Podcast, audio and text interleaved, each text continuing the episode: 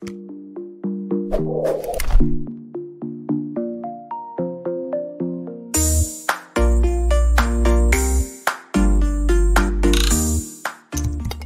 ini didukung oleh Desa WiFi, Tol Langit Desa Indonesia.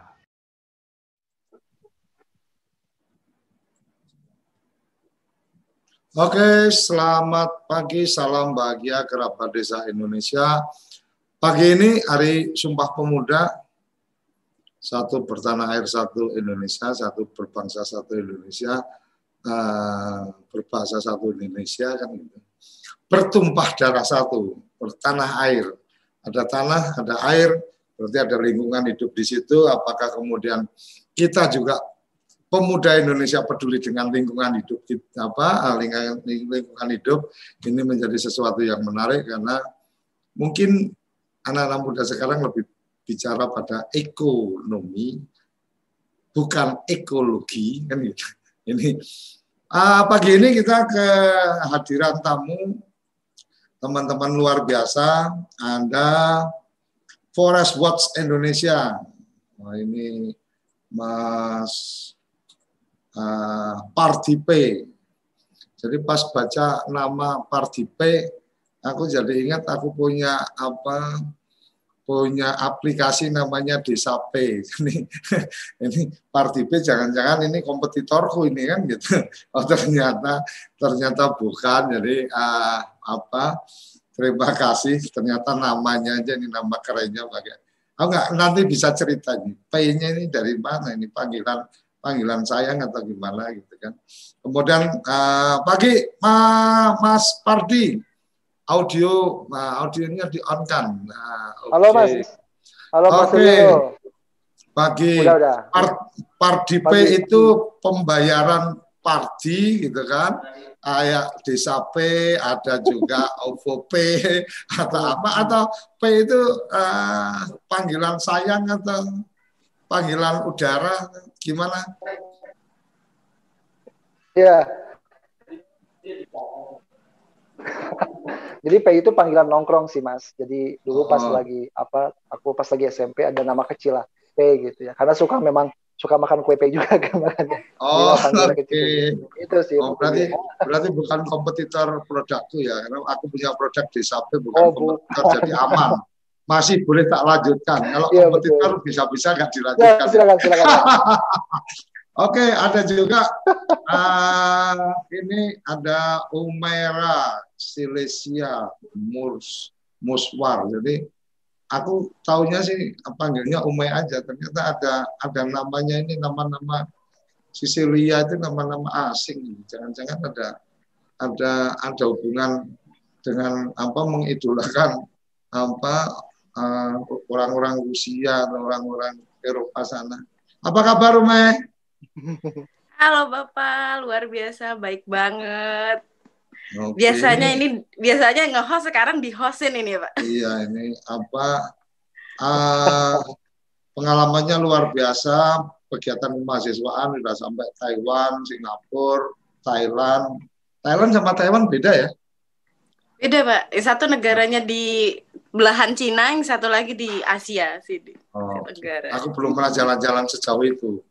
Jadi apa harus mempertegas. Oke, pagi ini dalam rangka Sumpah Pemuda, Sumpah Pemuda kami berbangsa satu, bangsa Indonesia, berbahasa satu, bahasa Indonesia, ber apa tumpah darah yang satu, tanah air yang satu, tanah air Indonesia kan gitu. Ah, kemudian menarik bahwa isu-isu lingkungan uh, sekarang mulai menyeruak bahwa ekonomi harus berimbang dengan ekologi kan gitu.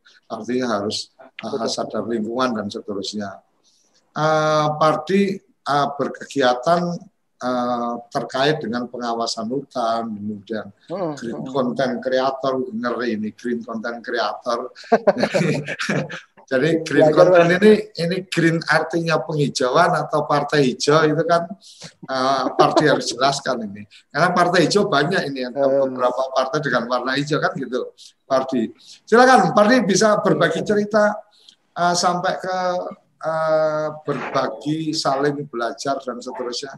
Silakan anak muda peduli lingkungan yang saya tahu rata-rata adalah teman-teman yang suka naik gunung, pecinta alam, yang suka betul, nongkrong, dan seterusnya. Betul. Silakan Pardi.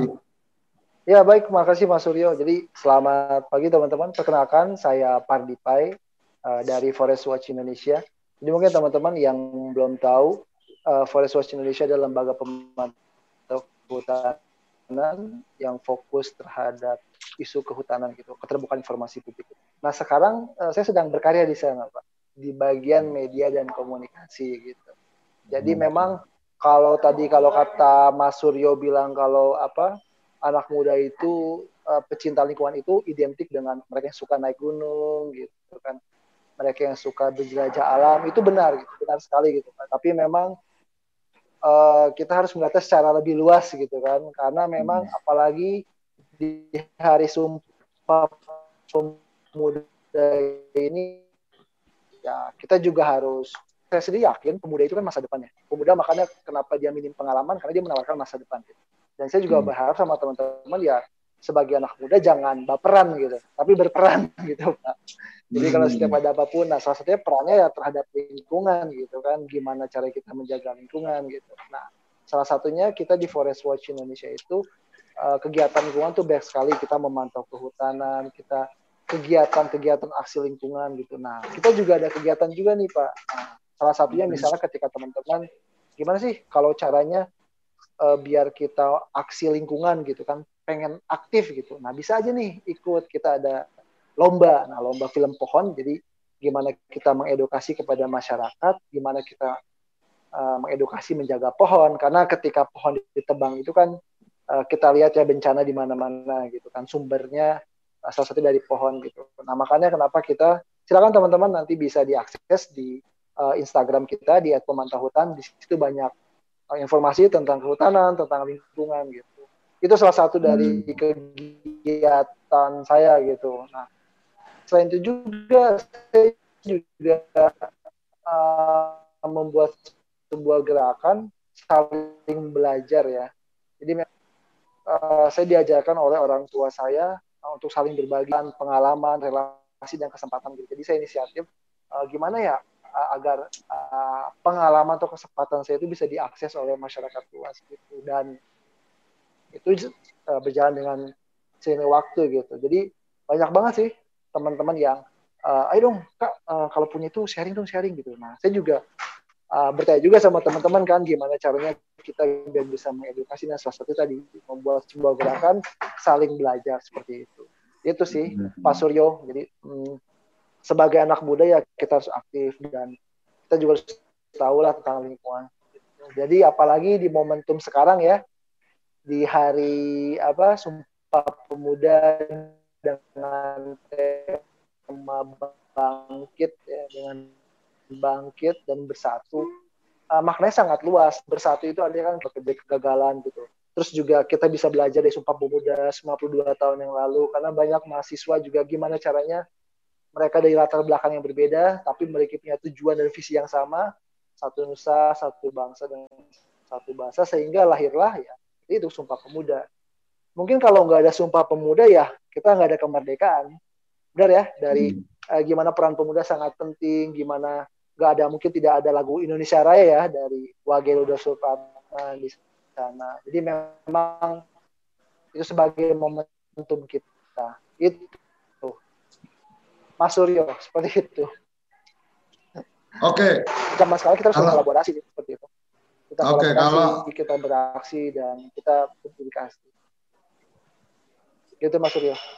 Oke, okay, kalau kemudian kita bicara hari ini apa tentang lingkungan hidup, hmm. apakah kemudian uh, anak-anak muda sekarang atau pemuda sekarang itu memang uh, menurut Pardi uh, sudah cukup care dengan lingkungan hidup? Ya, jadi kalau saya melihatnya sekarang udah mulai kelihatan care gitu. Semenjak apa? Semenjak corona kayak apa ya?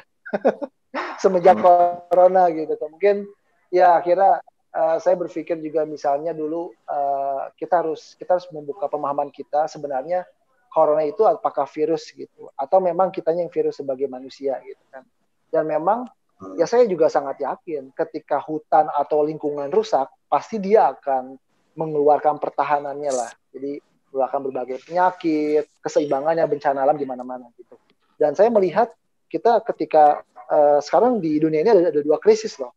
Pertama hmm. krisis perubahan iklim dan yang kedua hmm. itu krisis tentang pandemi COVID-19 gitu loh. Jadi memang ini sangat sangat berhubungan gitu. Jadi gimana uh, dan di sini uh, kebanyakan anak muda mulai sadar gitu. Apalagi sekarang kan uh, di Hari Sumpah Pemuda banyak kegiatan-kegiatan gitu. Tapi saya berharap ini enggak sebagai uh, sebagai apa ya? Diharapkan ini sebagai langkah awal kita sebagai anak muda. Gimana kita hmm. berkolaborasi, kita berjejaring kepada masyarakat karena lingkungan itu nggak bisa gitu sendiri. Kita harus paling bersama seperti itu. Itu Kang Suryo. Oke, okay. ke tadi ada apa uh, cerita pohon atau apa apa betul, tadi betul. acaranya cerita film pohon. pohon. Film pohon. Film pohon. Ya. Jadi film pohon itu uh, satu program yang dibikin oleh uh, bagian Forest media Watch. Forest Watch. Uh, itu dalam kompetisi film atau gimana? Hmm. Ya, jadi jadi sesuai dengan baju saya ini teman-teman. Bisa baca. Mencintai hutan berarti mencintai kehidupan. Nah, artinya hmm yang mencintai hutan kita mencintai kehidupan, mencintai hutan kita mencintai masa depan gitu. Nah, hmm. salah satu karena sekarang lagi Covid ya, jadi semuanya juga serba digital gitu. Kita harus berubah gitu ya, mindsetnya berubah.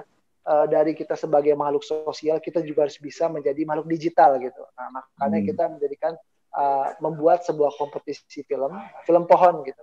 Nah, film pohon ini itu sebagai edukasi kita nih, gimana caranya masyarakat itu menjaga lingkungan, nah salah satu dengan menjaga pohon gitu lah. Nah kita tahu pohon-pohon, terus hutan itu kan berada di desa ya.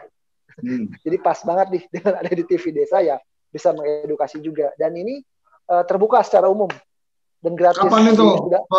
penutupan pendaftaran sampai kapan? Kalau pendaftaran kemarin, uh, Mas dari tanggal 20 kemarin ya, ini sudah 8 hari ya. Kita sampai tanggal 15 Oke, 15 tutup. Kemudian November, ya. pengumumannya ya. kapan? Nah, nanti kita seleksi juga nanti gimana. Nah, jadi kalau mau lebih lengkap ya nanti bisa aja di, ada di Instagram di media sosial kita di @pemantauhutan. Jadi teman-teman silakan Kang Surya juga kali bisa share ya kan. Apa at apa? Ya di @pemantauhutan. Pemantau hutan. Pemantau hutan. Oke, okay. ya, jadi ya. di Instagram namanya @pemantauhutan ya. Betul, pemantau hutan ya, pemantau hutan. Ah, Jadi okay. di situ ada informasi semuanya. Pengumuman pemenang kapan? Pengumuman pemenang 21.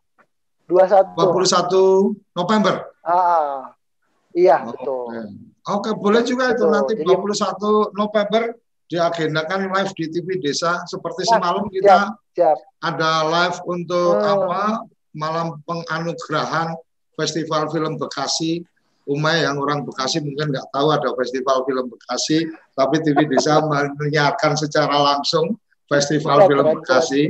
Ini hebatnya hebatnya TV Desa. Jadi orang Bekasi beberapa nggak tahu ada festival film, betul, betul. tapi TV Desa menyiarkan langsung apa malam penganugerahannya. Jadi ya, uh, tanggal 21 November kita tunggu akan ada siaran langsung betul. penyerahan penganugerahan film ya. uh, apa film pohon. Nah, Betul. Jadi Makasih, akan jadi luar biasa. Sangat ya. memungkinkan juga kalau uh, film-filmnya masuk dalam apa uh, verifikasi atau masuk dalam standar uh, TV hmm. desa. TV desa juga uh, sedang apa uh, membuat kerjasama dengan satu platform Genflix itu hmm. film-film yang masuk uh, standar kita akan bisa dipasang di Genflix dan bisa juga menjadi film berbayar. Artinya kalau nonton harus bayar sehingga yang berkarya pun akan mendapatkan hasil setiap ada orang yang nonton. Oh, ini ya. hebatnya digital dan ini hebatnya TV desa bukan TV biasa. Oke, oke Ume, apa kabar? Aku ke Ume dulu ya Pak Dia. Siap, siap, silakan Mas. Oke Ume, ini apa uh, termasuk pemuda-pemudi karena kriterianya anak-anak itu sampai di umur 10 tahun, remaja itu 10 sampai 19 tahun gitu kan. Kalau kemudian apa di atas 19 tahun itu berarti sudah masuk kriteria sebagai pemuda-pemudi dan apa dewasa kan gitu. Nah, ini pasti lebih dari 19 tahun kalau Ume kan gitu. Nah, cuma belum sampai 65 tahun berarti masih apa masih generasi muda kayak aku juga ini masih pemuda kan. Baik, uh, ya Pak. Mengikuti kamu kan apa latar belakang di kemahasiswaan banyak aktivitas dan seterusnya kemudian sekarang juga aktif di akademi desa gitu kan. Uh, yang menjadi menarik sebenarnya adalah ketika hari ini dunia digital apa media uh, kemudian semakin mudah diakses dan seterusnya uh, setiap orang bisa mendapatkan akses informasi apa pun uh, dengan apa uh, akses internet. Anak-anak muda berkreasi artinya berkreativitas bisa positif bisa negatif itu tergantung pilihan kan gitu. Artinya apa sangat terbuka. Kemudian balik ke hari ini sumpah pemuda. Ada oke okay, kalau kita bicara berbangsa satu kadang kita masih ketemu juga apa uh, rasa bahwa oh ini beda ini bukan kawan kita dan seterusnya. Berbicara tentang berbahasa satu eh, kadang-kadang juga lebih lebih pede kalau ngobrol. Kalau dulu mungkin lebih pede pakai bahasa daerah tapi kalau sekarang kan kalau ngobrol campur-campur pakai bahasa Inggris kan uh, jadi lebih punya gengsi kan gitu. Jadi kalau ngobrol ada penggalan-penggalan kata atau penggalan-penggalan kalimat kemudian pakai bahasa Inggris atau mungkin pakai bahasa Arab, antum dan seterusnya itu itu apa merasa bahwa punya nilai lebih gitu kan. Padahal kita sepakat berbahasa satu bahasa Indonesia gitu kan ketika kemudian ngobrol apa lu gue atau ngobrol uh, kemudian antum ente dan seterusnya atau atau brosis dan seterusnya kayaknya lebih modern nih daripada yang kemudian halo kak apa kabar kak? gitu kan. Nah um,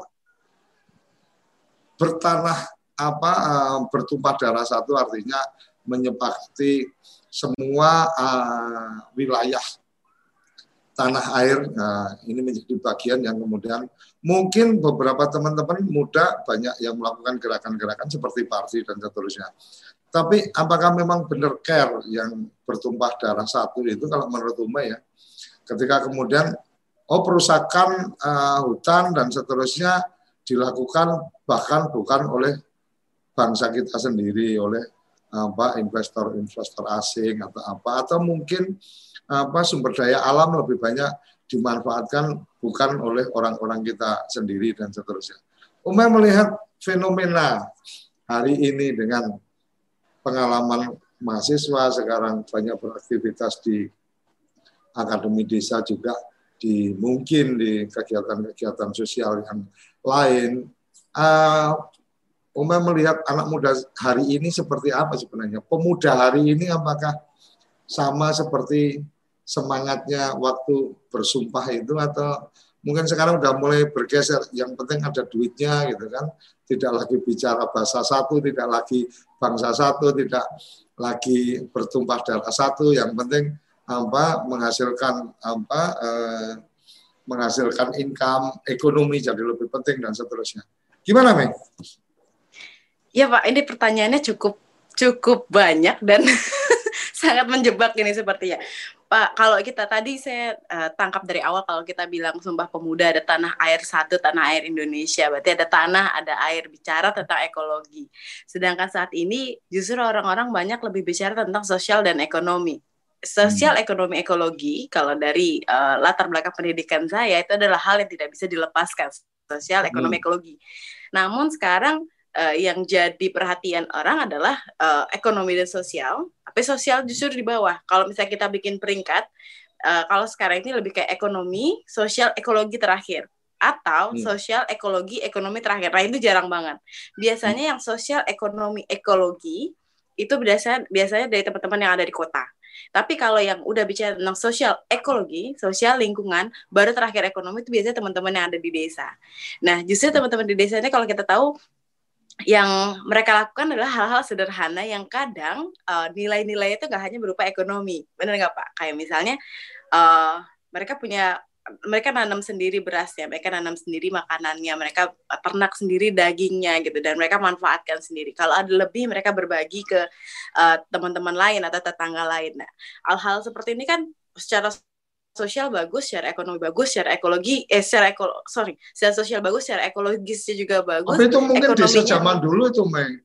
Iya, itu desa-desa. Desa masih punya perilaku yang seperti itu. Ini ini satu pertanyaan karena uh, antara desa dan kota sekarang itu kalau secara habit, secara perilaku kayaknya juga hampir sama. Artinya mengarah pada mulai... produktif. Artinya ketika berpikir menanam untuk dikonsumsi sendiri kayaknya kita udah nggak akan ketemu lagi mungkin Pardi lebih apa Pardi dan Umay juga tahu sekarang uh, orang yang tanam jagung uh, kemudian jagung itu sebagai sumber pangan itu jarang sekali yang di rumahnya juga masih menyimpan jagung jadi bahkan kalau perlu jagungnya nggak sampai di rumah udah jadi duit aja yang penting kan gitu gimana Mei? Betul, eh? Betul, Pak. Betul banget. Betul banget. Jadi saya tadi cerita itu adalah desa-desa klasik, okay. desa klasik yang kita kita kita pikir dari zaman dulu ah. bahwa hmm. hal-hal seperti itu ada di desa. Uh, kebetulan saya ke kuliah di IPB, kita itu setiap uh, setiap minggu di jurusan kami, eh setiap sorry setiap satu semester di jurusan kami kita harus ke desa, di mana kita hmm. akan melihat realita yang nyata di desa. Yang kita pikir desa klasik seperti itu, ternyata pasar di desa itu suatu hal yang berbeda. Termasuk nelayan desa-desa pesisir juga seperti itu. Kalau bisa ikannya nggak sampai ke rumah, tapi uangnya yang sampai ke rumah. Itu iya. benar banget, Pak. Bahkan yang nah, lebih itu, parah kemarin itu di desa pesisir aja sudah banyak anak-anak muda yang nggak bisa berenang gitu kan?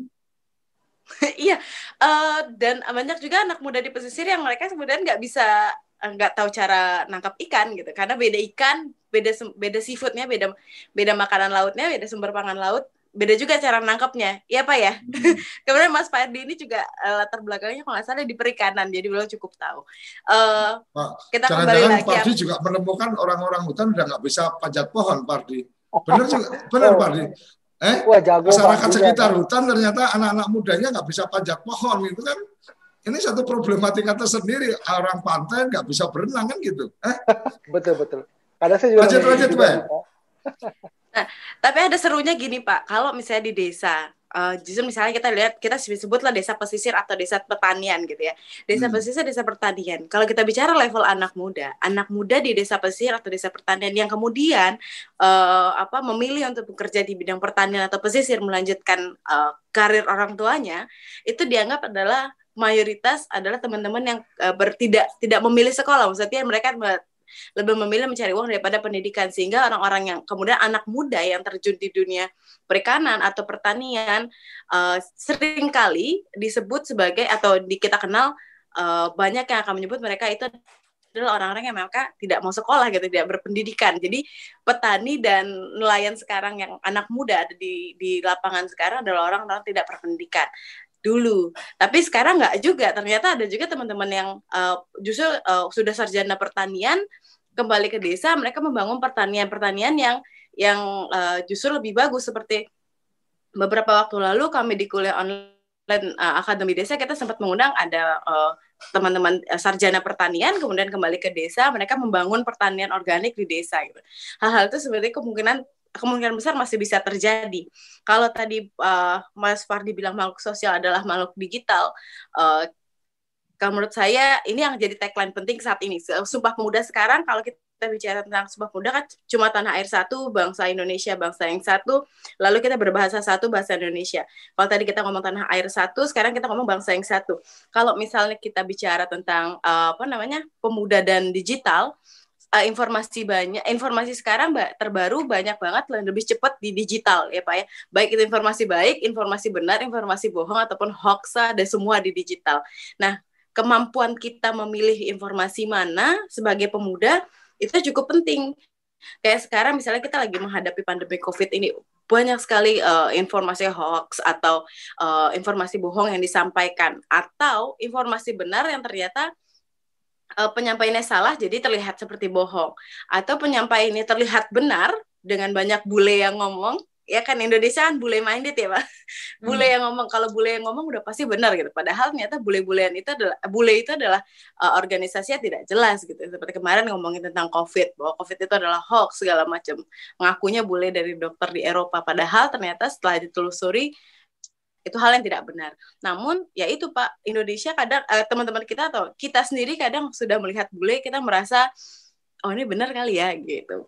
Nah kita jadi kehilangan identitas bahwa kita tuh bangsa yang sebenarnya kuat gitu. Gak usah terlalu melihat bule bahwa teman-teman kita dokter di Indonesia juga sebenarnya banyak kalau ngomongin COVID yang mereka kompeten gitu. Nah kalau ngomongin bahasa, tadi Bapak sempat nyinggung, uh, which is uh, bahasa Indonesia adalah bahasa yang satu. But ya Pak ya, sekarang ini uh, literally kalau kita bicara tidak dalam bahasa Inggris dipotong-potong, uh, little bit uh, kurang modern gitu ya.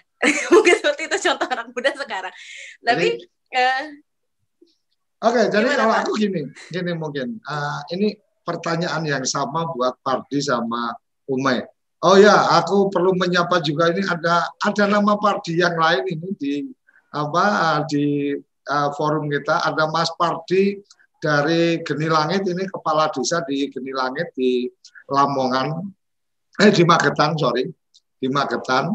Ini kepala desa jadi kayaknya karena sama-sama nama Pardi ini seleranya hampir sama ini. Untuk selera jadi pemimpin. Oke okay, aku aku pengen ke uh, ke Umay sama Pardi. Ketika kita bicara Sumpah Pemuda bicara berbangsa satu bangsa Indonesia, maka hari ini yang beredar adalah tidak ada lagi batas-batas bangsa.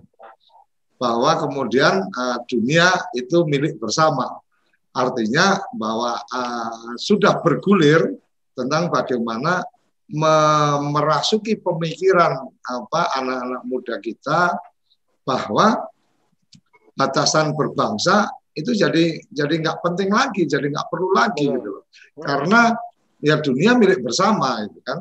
Kemudian ketika berbahasa satu bahasa Indonesia, bahwa kemudian pada akhirnya dunia digital me, me, me, me, menghancurkan semua batas-batas komunikasi kita, kemudian secara tidak langsung atau secara secara apa eh, tatanan dunia baru itu kemudian ada bahasa internasional bahasa Inggris kemudian sekarang juga sudah mulai apa Mandarin karena apa uh, ada kekuatan ekonomi teman-teman dari apa uh, Tiongkok yang kemudian suka tidak suka kalau pengen kerja di tempat mereka ya perlu kita bisa berbahasa Mandarin namanya kan gitu dan seterusnya.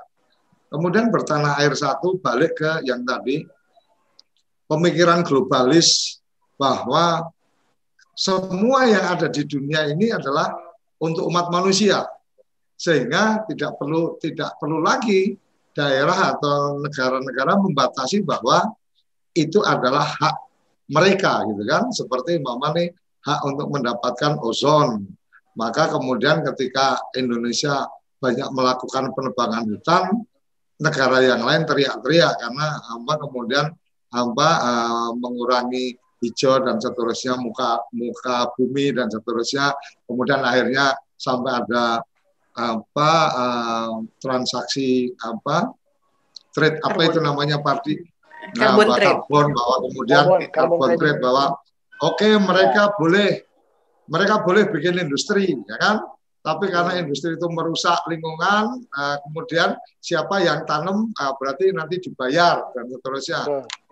Ini kan artinya kita sudah sangat global, sudah harus berpikir dunia tidak lagi bicara dalam batas kewilayahan. Aku pengen dengar ini pendapat anak-anak muda, Pardi sama Umi, bahwa kemudian apa semua pemuda masih relevan hari ini ketika bicara bahwa kita hanya bangsa satu, bangsa Indonesia, kita berbahasa satu bahasa Indonesia, kita bertumpah darah satu tanah air Indonesia, apa masih apa masih relevan hari ini ketika kita ya. bicara global yang kemudian suka tidak suka aturan-aturan global hmm. juga sepertinya harus diikuti bahwa ya. kemudian kalau kalau kalau organisasi dunia mengatakan pandemi ya kita harus ikut pandemi padahal kalau kita ya sorry mungkin Umay sama Parti belum lahir pada waktu itu boleh ditanya ke orang tua masing-masing gitu kan.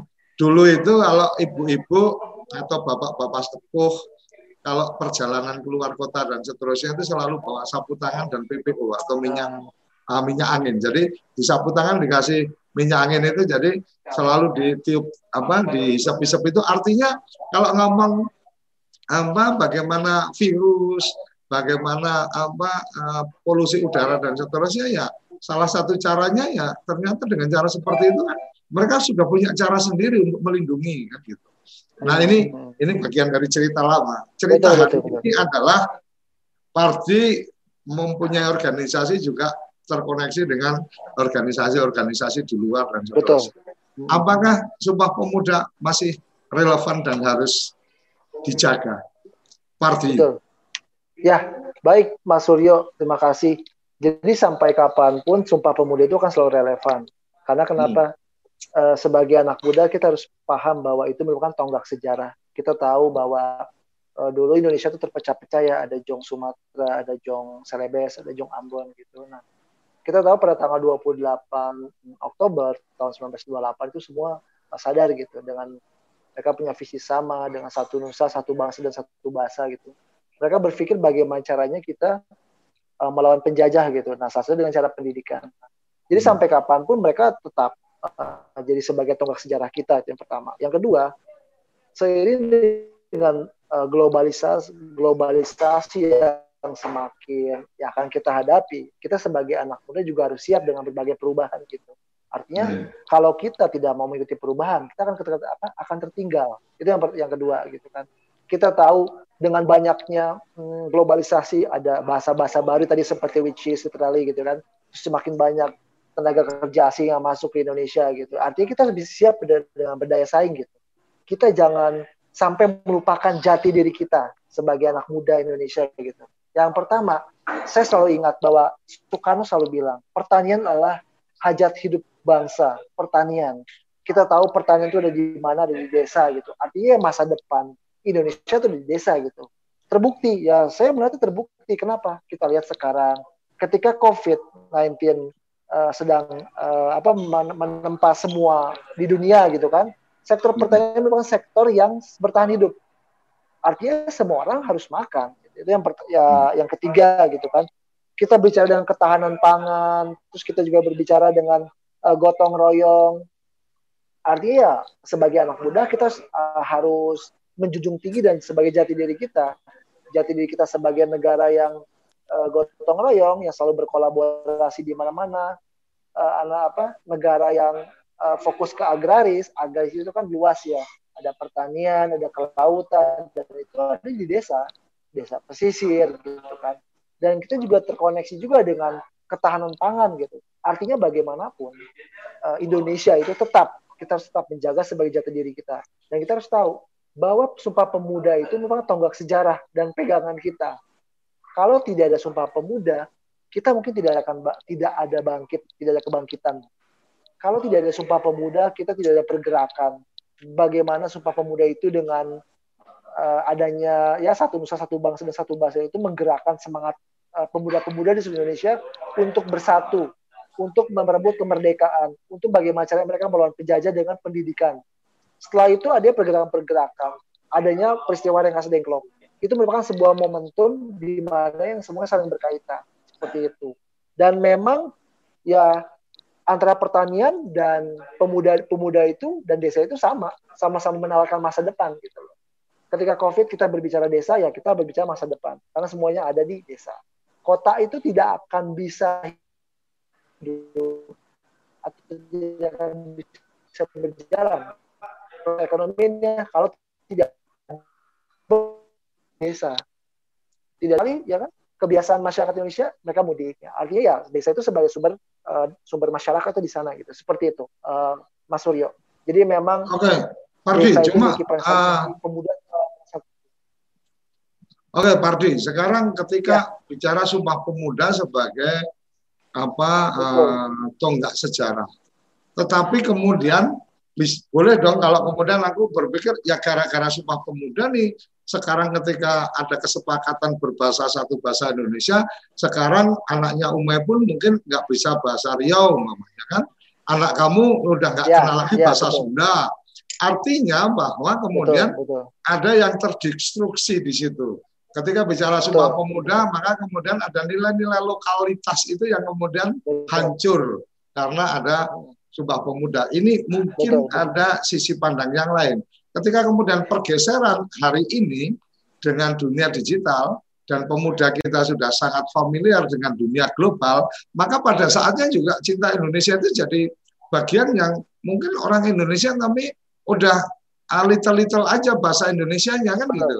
Aku menemukan salah satu teman yang kemudian dia uh, sudah apa sudah lama tinggal di luar dan seterusnya pas pulang ke Indonesia walaupun mungkin dia ada 15 tahun ada di sana pas pulang ke Indonesia dalam satu forum yang kita lagi ngobrol di pembukaan dia sudah langsung ngomong maaf aku bahasa Indonesia aku agak agak kurang bagus jadi ya. uh, aku lebih nyaman uh, pakai bahasa Inggris jadi ya. tolong teman-teman juga bisa memahami artinya artinya Sumpah Pemuda satu titik yang lain oke okay, sampai okay. ada satu proses tapi uh, hari ini dunia terus bergerak dunia terus berputar sehingga bisa jadi anak-anak anak-anak anak saya mungkin hari ini bahasa Jawanya hanya bisa bahasa ngoko gitu kan. Jadi hmm. kadang kita dengar juga risih kamu mending pakai bahasa Indonesia aja daripada pakai bahasa yang tidak pas ke bapaknya atau ke ibunya kan gitu. Sama mungkin di teman-teman apa Sunda juga gitu, Pardi hmm. atau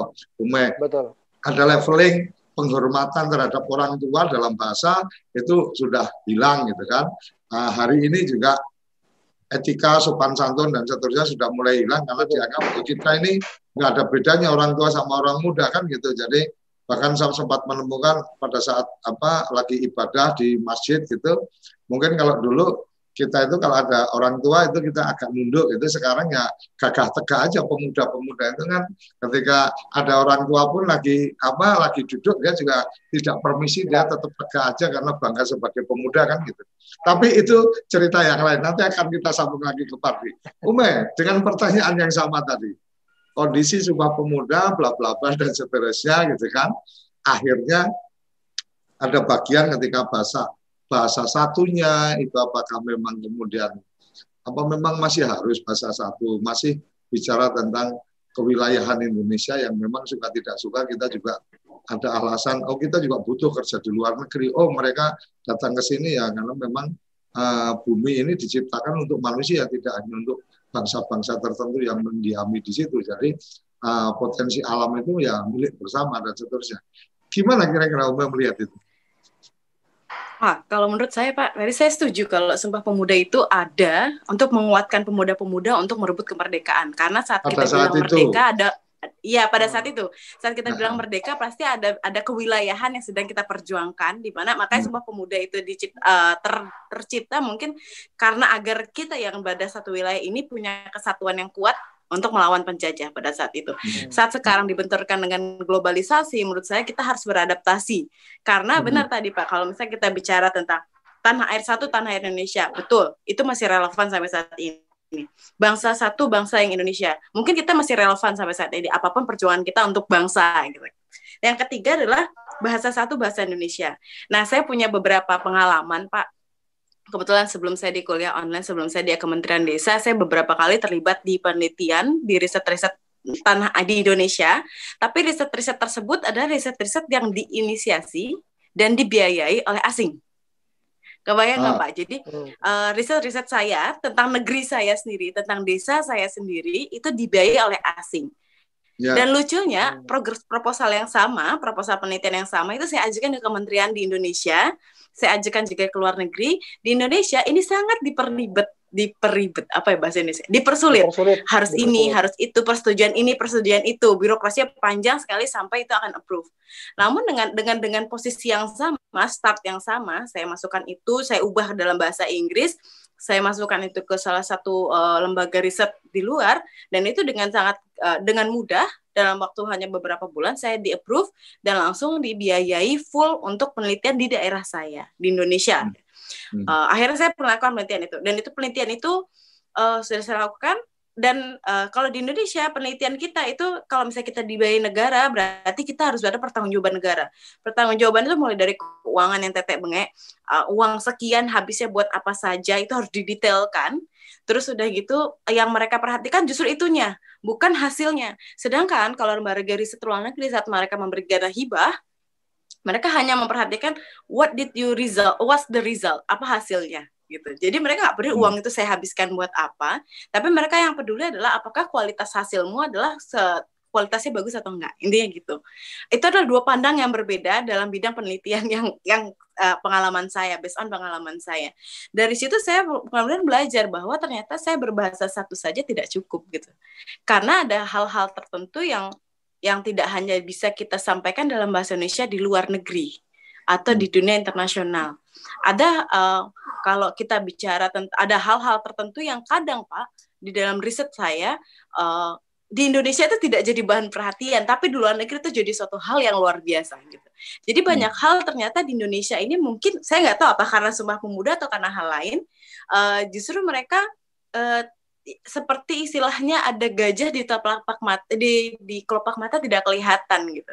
Bagi hmm. orang lain adalah satu hal yang kayak diamond bahwa apa uh, hal yang berharga gitu. Tapi ada buat kita ini biasa aja gitu. Padahal di mata orang lain, di mata negara lain adalah uh, suatu hal yang uh, suatu hal yang luar biasa ini.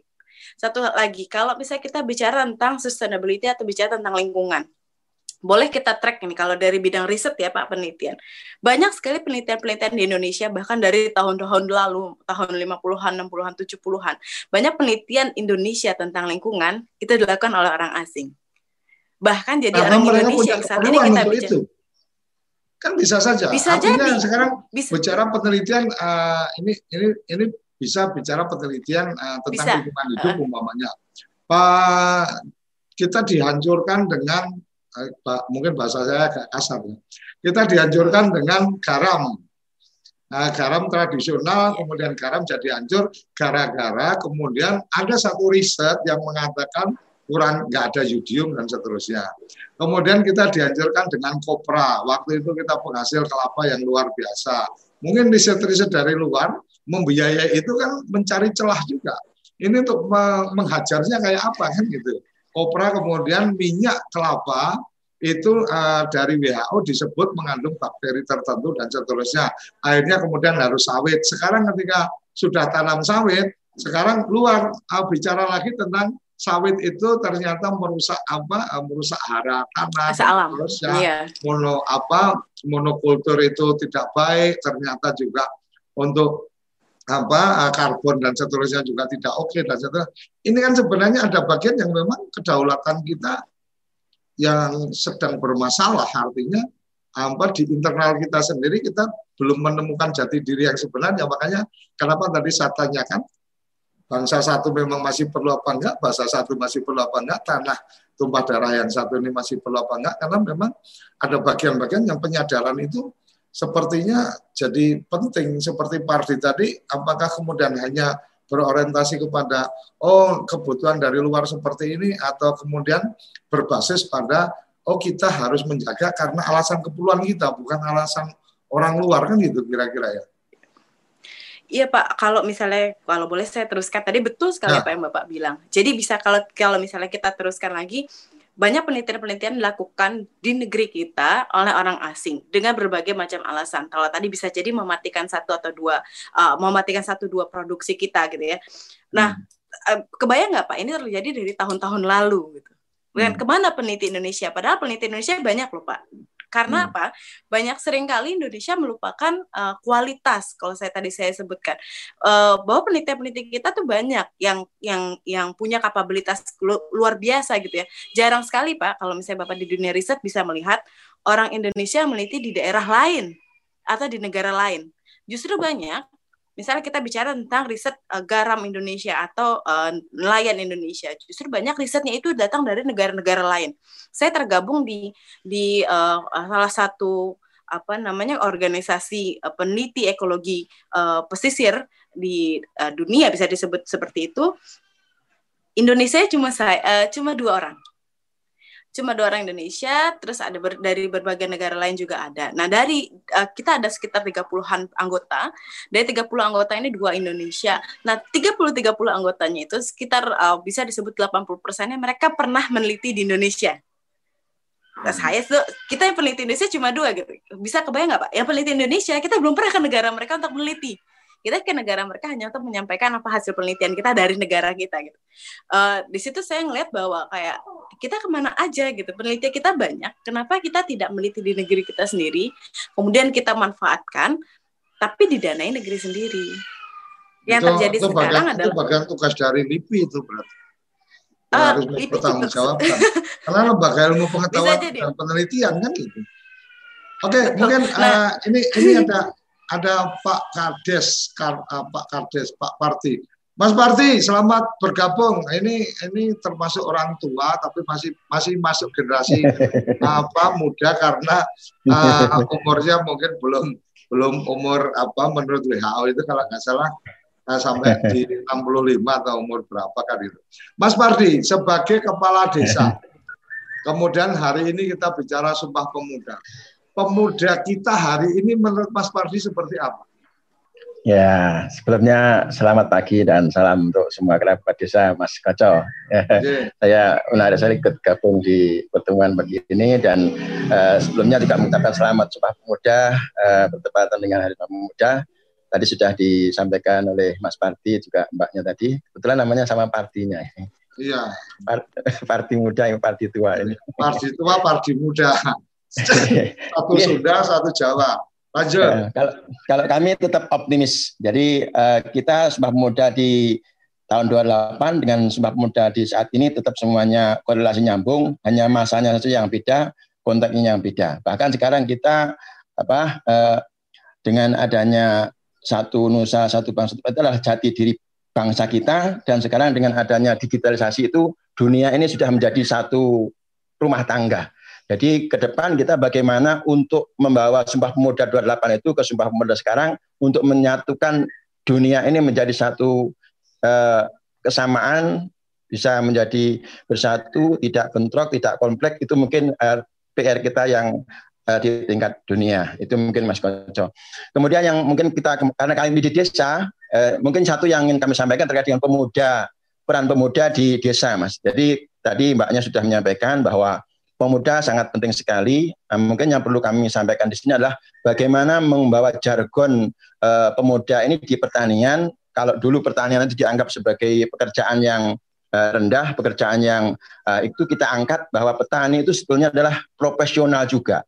Karena petani itu tidak hanya sekedar mengubah cangkul, tapi ada teknis-teknis, ada ilmu-ilmu terkait dengan itu, yang itu adalah menjadi suatu apa tugas kita untuk pemuda juga harus mengetahui tentang itu sehingga kalau pemuda mendalami pertanian dengan teknologi yang sekarang itu adalah menjadi kebanggaan pemuda kita.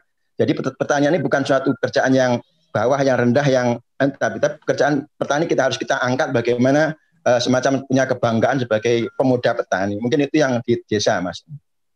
Oke, terima kasih. Jadi ini ini luar biasa. Saya saya sebenarnya uh, bagian yang saya ingin tunggu-tunggu yang tadi disampaikan oleh apa Mbah Lurah tadi. Jadi apa karena sudah ada putih-putihnya saya panggil Mbah. Mbah Lurah Parti tadi menyampaikan itulah yang saya bayangkan sebenarnya ketika Sumpah Pemuda kekinian itu ya berarti bahasa satu bahasa Indonesia itu ya harusnya berorientasi kepada bahasa Indonesia menjadi bahasa pergaulan dunia. Itu yang kemudian perlu kita perjuangkan. Jadi jangan kemudian eh, kita eh, apa eh, tidak pede menggunakan bahasa Indonesia, tetapi bagaimana mendorong bahwa setiap orang yang ingin belajar di Indonesia kamu harus bisa bahasa Indonesia. Bukan kemudian kita yang harus selalu mengalahkan itu.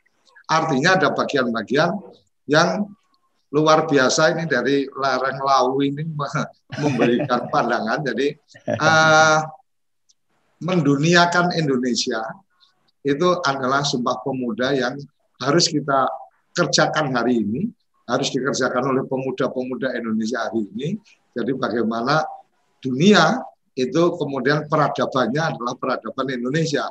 Mungkin itu bagian yang menarik. Saya pikir sebagai bangsa Indonesia itu seperti apa ini harus menjadi apa uh, satu peradaban pergaulan dunia ini ini yang luar biasa dan dari desa harapannya luar biasa juga bagaimana profesi-profesi di desa ini harus diapresiasi dan sebenarnya salah satu bagian dari apresiasi itu ya tugasnya Mbak Pardi sebagai kepala uh, desa, kemudian ada tugas berikutnya kepala daerah sampai kepala negara yang mengapresiasi petani itu harus real gitu kan.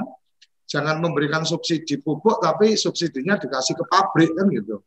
Lebih baik pada ya udah siapa yang mampu bertani kemudian menghasilkan apa mungkin menghasilkan sayur. Ketika harga sayurnya tidak bagus maka atau mau bagus mau tidak bagus kalau kamu uh, mau bersa, uh, bertani maka kemudian negara mensubsidi semua produknya itu kemudian ada tambahan dari negara memberikan berapa. Sehingga profesi yang ada di situ itu pasti tidak profesi yang rugi karena otomatis negara juga menambah biaya untuk kemudian dia jadi petani kan gitu. Ini mungkin bagian-bagian yang sangat masuk akal dan sangat mungkin dilakukan. Cuma kalau di kelasnya Mbak Lurah Parti ya fasilitasi dari tingkat APBDes kan gitu duitnya ya orang pati akeh walaupun saya itu akeh kan gitu. Tapi kalau di tingkat kabupaten mungkin lebih besar, mungkin di tingkat negara lebih besar lagi gitu kan. Apalagi kalau saya nih perokok ini kan menyumbang negara sudah 9 persen dari anggaran itu harusnya kan juga lebih punya hak untuk ikut membantu petani dan seterusnya. Oke, ini tanpa tambah terasa sedikit, obrolan kita sedikit. apa? Eh. Ya, monggo silakan. Sedikit. Uh, terima kasih. Jadi uh, warga kita, warga negara Indonesia yang di luar negeri atau yang memiliki kemampuan berbahasa asing, oke okay, malah itu dikembangkan karena kan itu jumlahnya tidak banyak dengan dibandingkan dengan populasi kita. Silakan bahasa semua bahasa dipelajari dan kita terkenal bangsa perantau di, di semua negara ada, di semua wilayah ada dengan membawa karakter uh, kita. Kemudian mungkin satu yang poin karena kami juga mengenal dunia pesantren, di pesantren itu malah sekarang dikembangkan multi bahasa, bukan bahasa Indonesia saja, bukan bahasa Jawa daerah saja, tapi bahasa Inggris, bahasa Jepang, bahasa Korea itu di pondok-pondok itu diajarkan dengan juga mungkin kemarin hari santri di sana mungkin pondok pesantren ini punya potensi yang luar biasa ke depan untuk membawa Indonesia ini ke tingkat internasional dengan uh, apa budaya-budaya kita dengan ada peradaban Indonesia dan dengan apa uh, ya banyak potensi-potensi yang ada di uh, kita sebagai bangsa yang berbudaya mungkin itu mas jadi okay. kita tidak khawatir bahasa Indonesia akan tergerus atau bahkan malah kita mempelajari bahasa-bahasa asing yang memungkinkan untuk sebanyak-banyaknya warga kita bisa uh, berkomunikasi dengan dunia ini. Oke, okay, tapi uh, satu pelajaran berharga juga bahwa uh, salah asuhan itu juga sangat memungkinkan. Jadi yeah. ketika ketika keluar dan belum mengenal jati diri kita, maka kita akan cair dan kemudian menjadi orang lain. Nah, Ya, di kita sekarang mungkin beda uh, beda kalau dulu itu kalau mau ke luar negeri maka dia harus meli, apa, mengikuti satu pendidikan tertentu dan seterusnya sehingga ada apa ada nilai yang sudah tertanam yang tidak akan gampang tergerus ketika ada di luar. Jadi pada saat pulang dari luar negeri pun dia tidak akan pernah mengatakan I'm sorry uh, I'm in, in Indonesian little little dan seterusnya. Nggak ada karena orang kamu dari lahir ada di Indonesia masuk cuma keluar negeri berapa lama terus jadi nggak bisa bahasa Indonesia kan konyol. Lebih pada ya iya. jati dirinya memang belum dapat. Orang yang belum punya jati diri ketika ke mana pun dia akan uh, gampang berubah dan seterusnya tidak terasa ya. waktunya sudah di penghujung Mas Parti, uh, uh, Parti muda, jadi yeah. karena waktunya terbatas, kita masih tersisa tinggal enam menit, ini nggak terasa, waktu satu jam itu selalu kurang untuk ketemu dengan orang-orang hebat. Uh, closing statement mungkin, closing statement tentang uh, apa kalau kalau tentang uh, akan ada siaran langsung penganugerahan itu nggak perlu masuk closing statement karena itu bagian dari komitmen kan gitu. Tapi mungkin closing statement anak muda, lingkungan hidup dan sumpah pemuda.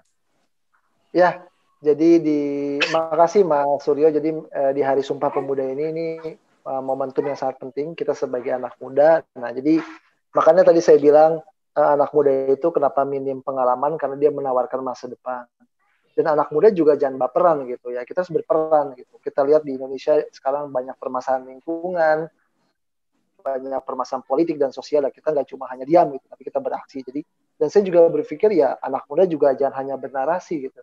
Tapi kita beraksi, uh, ber, uh, beraksi dan berkolaborasi. Karena memang sesuai dengan uh, jati diri kita kita adalah negara gotong royong kita berkolaborasi kita bekerja sama semuanya. Jadi anak muda itu jangan hanya bernarasi namun beraksi dan berkolaborasi dan jangan baperan tapi berperan itu Mas Suryo pesannya oke makasih Umay silakan Ya Pak, saya setuju banget kalau tadi Bapak bilang kalau sebelum kita berglobalisasi kita harus punya jati diri karena anak-anak pun seperti itu. Anak-anak dengan gampang bisa belajar bahasa asing. Namun saat dia tidak punya bahasa ibu, dia tidak punya jati diri bahasa Indonesia akan sulit untuk dia kemudian kembali menjadi Indonesia. Jadi kalau kita mau bersumpah pemuda, jadikan itu jati diri kita sebelum kita going global. Itu Pak. Oke, jadi sumpah pemuda itu mestinya membawa kita pada semangat untuk mengenali Indonesia lebih dalam, mengenali jati diri lebih dalam. Ini kayaknya jadi ya. jadi nyambung. Jangan dijadi, jangan dijadi, tapi sumpah pemuda jangan dijadikan alasan untuk kita tidak beradaptasi dengan globalisasi, Pak. Karena kan di sini bahasa Indonesia bahasa yang satu. Oh, berarti gue cuma bisa berbahasa Indonesia doang dong, gue nggak perlu belajar bahasa lain. Justru jangan jadikan seperti itu. Bahasa Indonesia, eh, sumpah pemuda justru jadi jadi dasarnya kita untuk kemudian uh, be, apa karena ini globalisasi nggak bisa kita hentikan kita harus ikutin arus tapi dengan kita punya jiwa atau jati diri Indonesia kita di Sumpah Pemuda ini. Iya, jadi TV Desa adalah memper apa uh, perekat jati diri bangsa. Jadi salah satunya yang kita bawa adalah bagaimana kita mesti mengenali Indonesia dengan baik. Jadi kenapa tadi pertanyaan-pertanyaan yang saya coba lontarkan lebih pada apa memang masih relevan dan seterusnya itu adalah bagian bahwa kalau kita belum kenal jati diri kita, maka sebenarnya ke mana pun kita, kita hanya akan menjadi apa artinya sarana untuk kemudian uh, kita uh, apa diinfiltrasi atau dimasukin uh, gagasan-gagasan uh, dari luar. Jadi ketika kita belum mengenal tari-tarian atau belum mengenal Indonesia, maka kemudian budaya-budaya uh, luar itu serasa lebih hebat, kemudian kita hanya mengikuti saja, padahal itu adalah bagian dari bagaimana kemudian kita kehilangan jati diri dan seterusnya. Luar biasa, Apardi Muda tadi menyampaikan tentang gotong royong. Gotong royong itu Indonesia banget, dan hari ini semua orang di Indonesia bicara tentang kolaborasi. Semua orang di dunia bicara tentang bagaimana bersinergi. Dan sebenarnya kalau kita mengenali Indonesia, sejak dari awal sebenarnya Pancasila, Eka silanya adalah gotong royong. Gotong royong itu ya ya kolaborasi. Gotong royong itu ya apa bersinergi. Jadi sebenarnya apa-apa yang sekarang hari ini sepertinya bahasa dunia dan bahasa internasional itu sebenarnya adalah bahasa-bahasa atau cerita-cerita dari budaya Indonesia. Bagaimana kita ini bisa apa bisa punya kerukunan. Bineka tunggal ika itu kan ada kepanjangannya gitu. Artinya ber, beraneka ragam tetapi tetap satu itu kan sebenarnya ada kepanjangannya tangannya dan, dan dharma manura artinya bahwa kita beda tuh apa eh, beda kepercayaan dan seterusnya itu tetap satu. Bahwa kemudian di satu tempat pun bisa menjadi tempat peribadatan dari dua agama. Ini kan sebenarnya kalau bineka tunggal ika kan berangkatnya dari sana.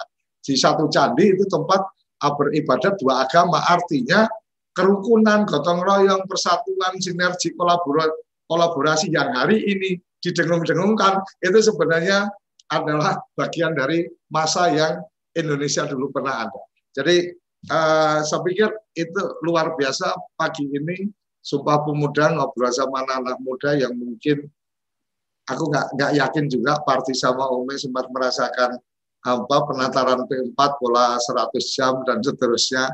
Tetapi kalau apa kalau kita-kita yang merasakan itu maka hari ini kita menyadari betul bahwa menen, apa, uh, mengenali Indonesia dengan lebih baik, memahami Pancasila, memahami apa budaya dan seterusnya lebih baik uh, itu akan menjadi alat untuk kemudian kita punya filter, kita punya apa uh, perisai untuk kemudian kita bisa memilah dan memilih budaya dari luar apa yang bisa kita bawa masuk dan budaya dari luar apa yang tidak pantas dibawa masuk ke Indonesia.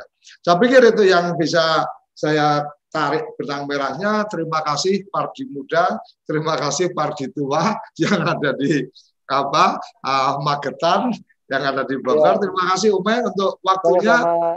Mas Luar biasa dan jangan lupa kerabat desa uh, seperti biasa kepoin desa selalu apa berusaha mencari uh, memberikan sesuatu yang apa baru untuk uh, wawasan dan mungkin ide-ide program. Salah satunya kita akan menunggu kabar lanjutan dari P Pardi untuk kemudian acara malam penganugerahan film pohon itu bisa live di TV Desa itu sangat terbuka untuk kita. Sampai di sini kepoin desa kita akan kepo-kepo tentang desa dalam satu semangat memuliakan desa-desa di Indonesia. Salam bahagia kerabat desa Indonesia. Terima kasih.